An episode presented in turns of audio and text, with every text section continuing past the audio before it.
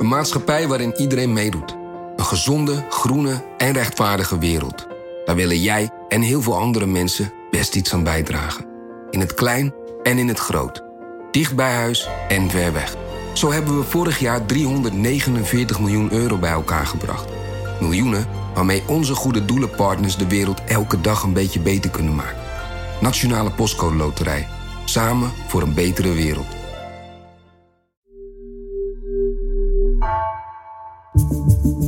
Vanaf de redactie van NRC het verhaal van vandaag. Mijn naam is Egbert Kalsen.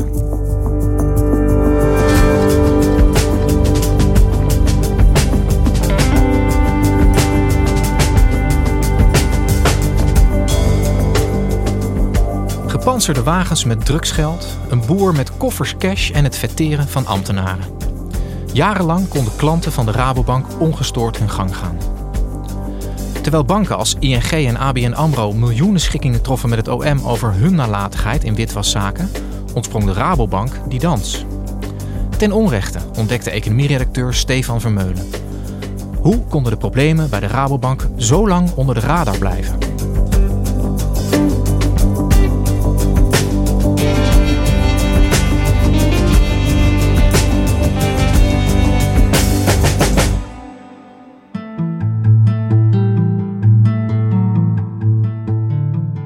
Nederland is al decennia een belangrijke financiële draaischijf in de wereld. Heel veel grote ondernemers, eh, bedrijven, eh, rijke mensen over de hele wereld richten vennootschappen op in Nederland om geld via Nederland te sluizen.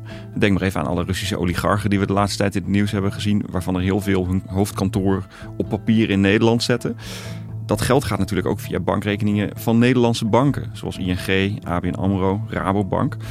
En jarenlang was er te weinig zicht op of dat geld wel oké was. Of daar niet die rekeningen werden gebruikt om uh, drugsgeld wit te wassen. Of criminele vermogens via Nederland uh, naar een uh, ver buitenland te parkeren. En de overheid wilde dat aanpakken de afgelopen jaren. Of wil dat nog steeds aanpakken natuurlijk. Heeft ook de wet verscherpt. En is ook kritischer geworden op die Nederlandse banken over hun rol hierin. ING heeft in september 2018 een schikking getroffen met het Openbaar Ministerie. Criminelen konden jarenlang honderden miljoenen euro's witwassen via bankrekeningen van ING. De bank heeft voor 775 miljoen euro geschikt met het Openbaar Ministerie. ING heeft jarenlang te weinig gedaan om het witwassen van crimineel geld tegen te gaan. ING zou zo zelfs hebben meegewerkt aan het financieren van terrorisme. Oud-topman Ralf Hamers wordt op dit moment ook strafrechtelijk vervolgd. Omdat hij als hoogste baas van ING ja, te weinig heeft gedaan om dat witwassen te voorkomen. Ook ABN AMRO trof dat lot. Met een schikking van 480 miljoen geeft de bank toe dat er onvoldoende is opgetreden tegen witwaspraktijken in het verleden. Voormalige bestuurders van de bank zijn als verdachten aangemerkt, waaronder oud-ABN-bestuurder Gerrit Zalm en topman Chris Vogelzang. Maar over die derde grote bekende bank, de Rabobank, weten we eigenlijk nog vrij weinig. Maar nu blijkt uit het onderzoek dat ik samen met mijn collega op de economieredactie Jorg Leijten heb gedaan, dat ook bij de Rabobank al acht jaar duidelijk is dat ze hun witwasdossier niet op orde hebben. Dus blijkt het helemaal niet zo dat bij Rabobank, anders dan die andere twee banken, weinig aan de hand was. Ze hebben het gewoon veel langer onder de radar weten te houden. Opvallend, Rabobank, die uh, jarenlang toch een beetje onder de radar zijn gebleven, wat jij al zei, hè, uh, als het ging over witwassen. Die blijken dus nu ook een probleem te hebben. Wat voor bank is de Rabobank eigenlijk als je ze vergelijkt met die andere twee grote banken, ABN en ING? Ja, ze hebben natuurlijk altijd een heel ander imago gehad. Het is ook een ander soort bank. Het is van oudsher natuurlijk de Boerenleenbank. Dit is een van de duizend vestigingen van de Boerenleenbank. Ook bij u in de buurt staat een Boerenleenbank tot uw dienst. De bank voor iedereen. Het is ook een coöperatie. Dat is een, ander, groot verschil met die andere twee banken. Dat betekent dus dat het niet één bankkantoor is aan de Zuidas dat ja, alle filialen in het land runt. Maar elke lokale Rabobank ja, runt eigenlijk zijn eigen zaakjes onderhoudt zelf ook de contacten met uh, klanten, heeft ook een eigen bankvergunning. En dat waren tot voor kort waren dat meer dan 300 uh, eh, lokale banken. Dus Rabobank was eigenlijk zo verspreid over het hele land, echt heel erg in die haarvaten van die samenleving, eigenlijk ook voornamelijk uh, de boerensamenleving. Ja, en ze zijn dus minder centralistisch zou je kunnen zeggen aangestuurd dan die, dan die andere twee banken.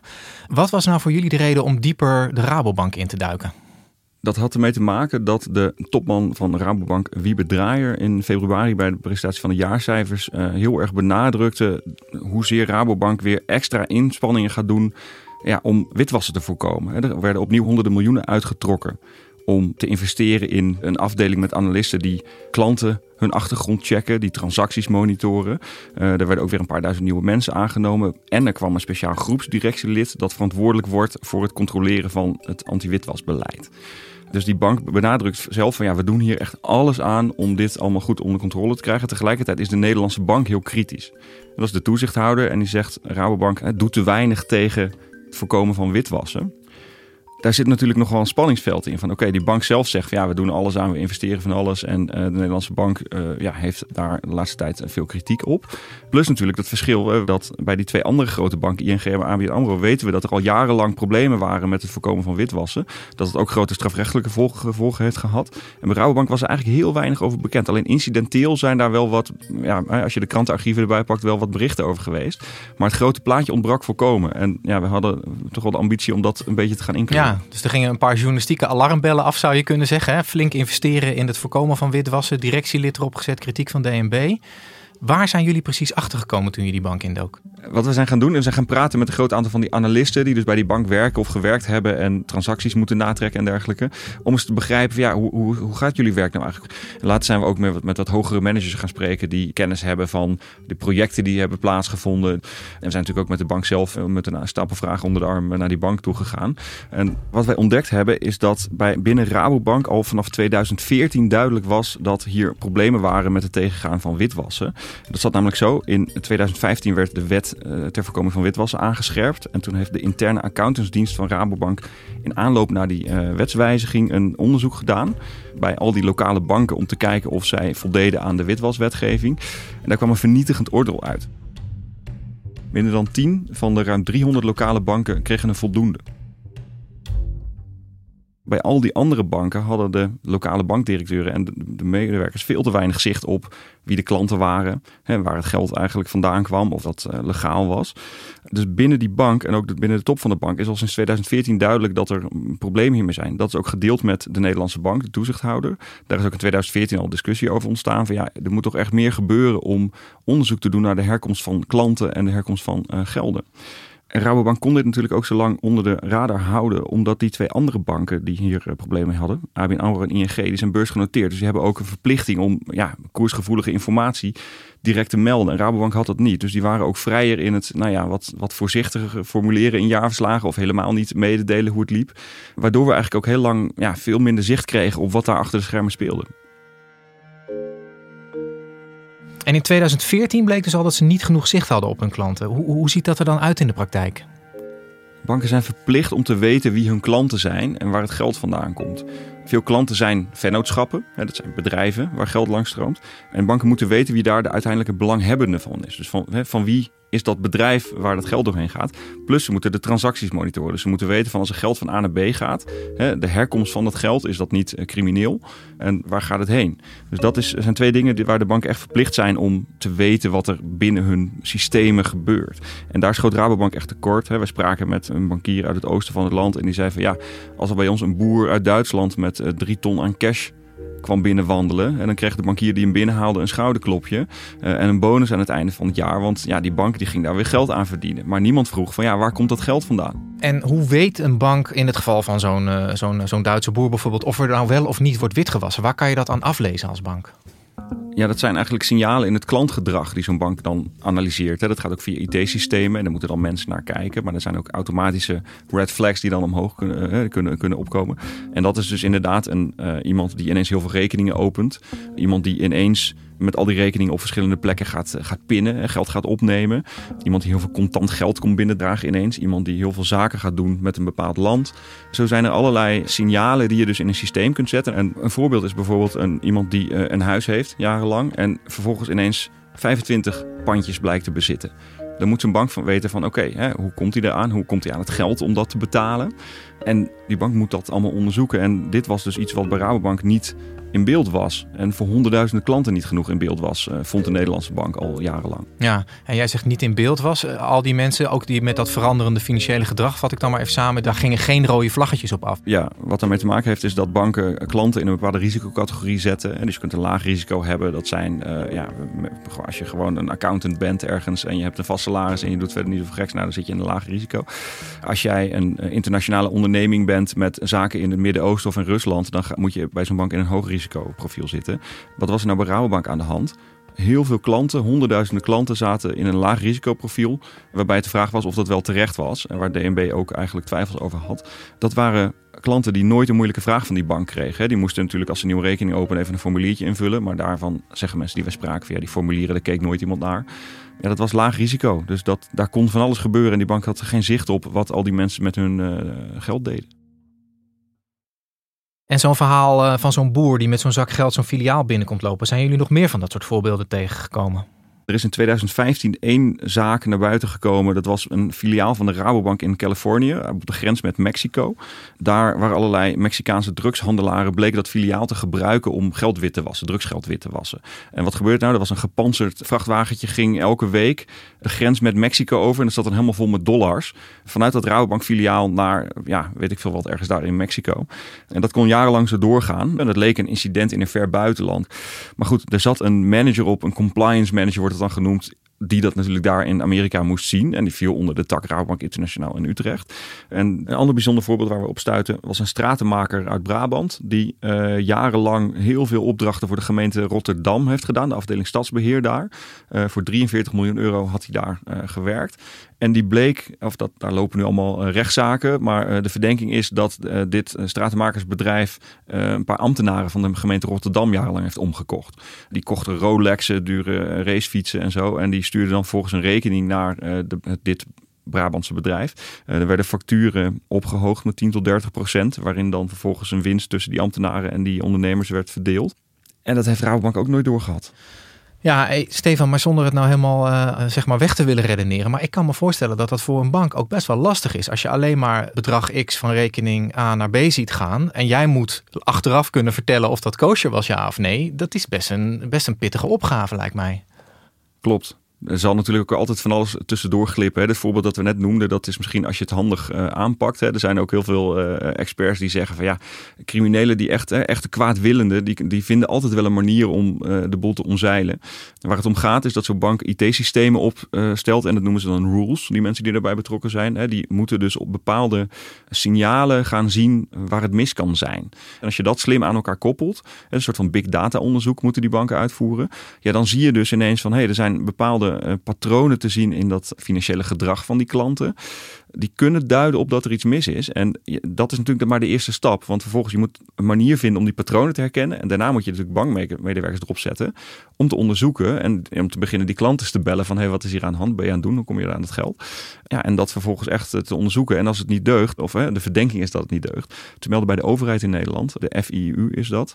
Dat is de organisatie die uh, ontvangt meldingen van mogelijk ongebruikelijke transacties. Ja, dus de bank heeft daar een taak in. En dat is zeker een ingewikkeld proces, maar het probleem is dat de Nederlandse bank nu vindt dat Rabobank überhaupt te weinig deed om die geldstromen in de gaten te houden. Waardoor je zeker weet dat de kans groot is dat de dingen doorheen slippen. Je zou zeggen dat ook die afdelingen die dat allemaal moeten controleren er een belang bij hebben om zeg maar, zo goed mogelijk te controleren of de bank zich wel aan de regels houdt. Ik bedoel, als dat misgaat, dan ben je met z'n allen de klos natuurlijk. Ja, nou wat daar gespeeld heeft, is dat dit werk natuurlijk botst met de commerciële belangen. En dus wij uh, spraken veel mensen die in uh, de jaren vanaf 2014, eh, 15, toen die wetgeving dus strenger werd, daar werkten. En die zeiden ook van ja, maar de cultuur was nog steeds. Ja, je krijgt toch een, een, bonus aan het eind van het jaar. Als je veel klanten hebt binnengehaald, als je de winst hebt omhoog hebt helpen krikken. je krijgt niet een bonus als je al dat papierwerk heel netjes grondig hebt zitten doorwerken. en er was een afdeling met analisten die moesten controleren of transacties oké waren. En die dan ook naar de relatiemanagers toe moesten met zeggen van hey, ga je klanten vragen van eh, of dit wel eh, klopt wat hij daar aan het doen is. En die relatiemanagers hadden daar vaak helemaal geen zin in. Ze zeiden van ja, ik ken die klant al jaren. die ga ik nu echt geen moeilijke vragen stellen. Ga ik niet allemaal, weet je, die, die mag gewoon een rekening openen. Of die mag gewoon deze transactie uitvoeren. Daar ga ik niet moeilijk over doen. Want straks loopt die weg naar een andere bank. Ja. Dus daar was een intern ook een spanning tussen die relatiemanagers en de analisten die eh, klantonderzoek deden. Ja, en die analisten die moesten de dealbreakers uithangen. Hè? Die, die Ja. moesten zeg maar die anderen van hun, van hun omzet afhouden. Exact. En we hebben veel van die analisten gesproken. En die zeiden ook van dat was dus heel moeilijk. Want die relatiemanagers, dat zijn de grote jongens binnen die bank. Hè. Dat zijn de jongens die het geld binnenhalen, die het contact met de grote klanten onderhouden. En die analisten, dat zijn vaak jonge medewerkers. Nou, dat was toch heel moeilijk. Moet je sterk in je schoenen staan. Wil, je, wil het je lukken om zo iemand toch ja, ervan te overtuigen om mee te werken aan dat klantonderzoek? Inmiddels staat de Rabobank eh, onder verscherpt toezicht van, eh, van de Nederlandse bank. En eh, de topman die heeft aangekondigd dat er dus meer geïnvesteerd gaat worden in, eh, in die controles. In hoeverre gaat dat helpen, denk je? Nou, Rabobank moet voor eind 2023 moeten al die klantdossiers op orde zijn. Dus dit probleem, wat dus zich jarenlang heeft opgehoopt, eigenlijk eh, moet nu echt eh, de wereld uitgeholpen worden. En daarom wordt er dus inderdaad ook zoveel geïnvesteerd. Alleen wat wij horen van mensen die daar tot zeer recent en misschien nog wel nog steeds bij betrokken zijn, die zeggen van ja, sinds wij die kritiek van DNB in afgelopen najaar kregen, of die aanwijzing van we moeten dit snel op zijn die achterstanden die zijn nu as we speak aan het oplopen. Er zijn nu meer dan 50.000 eh, klantdossiers eh, hebben ze achterstand, ook enkele duizenden transacties die ze nog moeten gaan checken. Wat natuurlijk helemaal moeilijk is, want dan moet je nagaan van een, een geldbedrag dat een half jaar geleden van A naar B ging. Moet je nog eens een keer gaan vragen van waar is dat, waar kwam het vandaan en zo. Dus, dus er worden heel veel mensen bijgehaald, maar die achterstanden die lopen alleen maar op. En en wat het nog lastiger maakt, is dat die medewerkers vaak heel kort bij de bank werken. Want er is, omdat alle banken meer van dit soort personeel moeten inhuren om transacties te checken en klantenachtergronden te checken. Een soort van strijd, een, een jacht op personeel ontstaan. Dus al die jonge mensen, daar wordt ook voortdurend aan getrokken door allerlei recruiters. Die verdienen ook geld met het plaatsen van een eh, medewerker bij een andere bank. Dus wat die medewerkers vaak doen, die krijgen dan een aanbod van ja, hè, je werkt nu bij eh, ABN AMRO. Maar als je 300 euro meer wil hebben, dan moet je nu bij Rabobank komen werken. Ja, dat doen ze natuurlijk vaak, want het is min of meer hetzelfde werk en hè, ze zijn niet per se gebonden aan een bank. Waardoor de mensen die er zitten, eigenlijk een hoog, heel groot deel daarvan werkte dus heel kort en heeft dus helemaal nog niet zozeer die IT-systemen. Je moet ook een beetje doorhebben hoe dat allemaal werkt en zo. Dus ja, dat is een extra complicerende factor hierbij. Ja, dus het is maar helemaal de vraag of ze dat, of ze dat gaan halen voor, voor eind eh, 2023. ING en ABN, je zei het aan het begin al, die hebben, die hebben allebei eh, schikkingen getroffen. Toen eh, bij hun bleek dat ze te weinig deden aan het voorkomen van witwassen en fraude. Is er nou voor Rabo ook een risico dat zij zo'n traject met het Openbaar Ministerie ingaan en uiteindelijk ook een flinke boete en een schikking zullen moeten treffen? Nou, dat is nog de vraag of het OM op die manier hier ook naar gaat kijken. Uh, wat zeker is, is dat er een straftraject van de Nederlandse bank loopt. Dus los van het feit dat al die dossiers voor eind volgend jaar op orde moeten zijn, kijkt de Nederlandse bank ook naar het traject hiervoor, de jaren hiervoor, waarin er dus te weinig is gebeurd. En Rabobank heeft twee keer een kleine boete gehad. En uh, ja, hier lijkt de kans toch wel heel groot dat er nu echt een, flinkere boete ook vanuit de toezichthouder gaat uh, komen. He, dat heet een punitief traject. En we hebben dat Rabobank natuurlijk gevraagd. En die zeggen zelf dat ze geen idee hebben waar het op uit gaat komen. Nou ja, en daarna dus een mogelijk uh, strafrechtelijk onderzoek. Uh, maar ja, dat is voor nu ook nog even koffie te kijken welke kant het uitgaat. Ja. Hey, en wie Bedraaier, de huidige baas van de Rabobank, die is sinds 2014 binnen. Die heeft aangekondigd in oktober uh, dit jaar af te treden als Rabo-topman. Loopt hij nou hetzelfde risico als Gerrit Salm en Ralf Hamers om ook als die al weg is toch nog dit dossier aan zijn broek te hebben hangen? Nou, een belangrijk verschil met die twee anderen is dat bij uh, die bank, ik heb ING, zijn heel veel hele grote uh, corruptiezaken naar boven gekomen die via die bank hebben plaatsgevonden waar die bank te weinig aan deed. Bij ABN AMRO weten we dat die bank jarenlang gewoon echt uh, nalatig was in het, op het witwasdossier. Bij Rabobank is het niet echt, hè, we weten nu ook van oké, die bank heeft ook al jarenlang signalen gehad, heeft te weinig gedaan. Maar in hoeverre daar echt heel grote witwaszaken hebben gespeeld in de ogen van het OM of, of daar echt een hele grote ook, ja, bestuursverantwoordelijkheid wordt gezien door je justitie, dat is op dit moment echt heel moeilijk te zeggen. Het is net iets anders dan bij die andere banken, maar aan de andere kant weten we ook, ja, hè, dat blijkt nu uit ons onderzoek, ook Rabobank heeft hier gewoon echt te weinig aan gedaan, jarenlang. Dankjewel voor je verhaal, Stefan. Graag gedaan.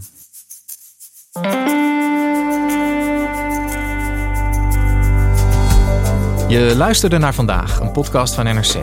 Eén verhaal, elke dag. Deze aflevering werd gemaakt door Mila Marie Bleeksma, Anna Korterink en Jeroen Jaspers. Dit was vandaag, morgen weer.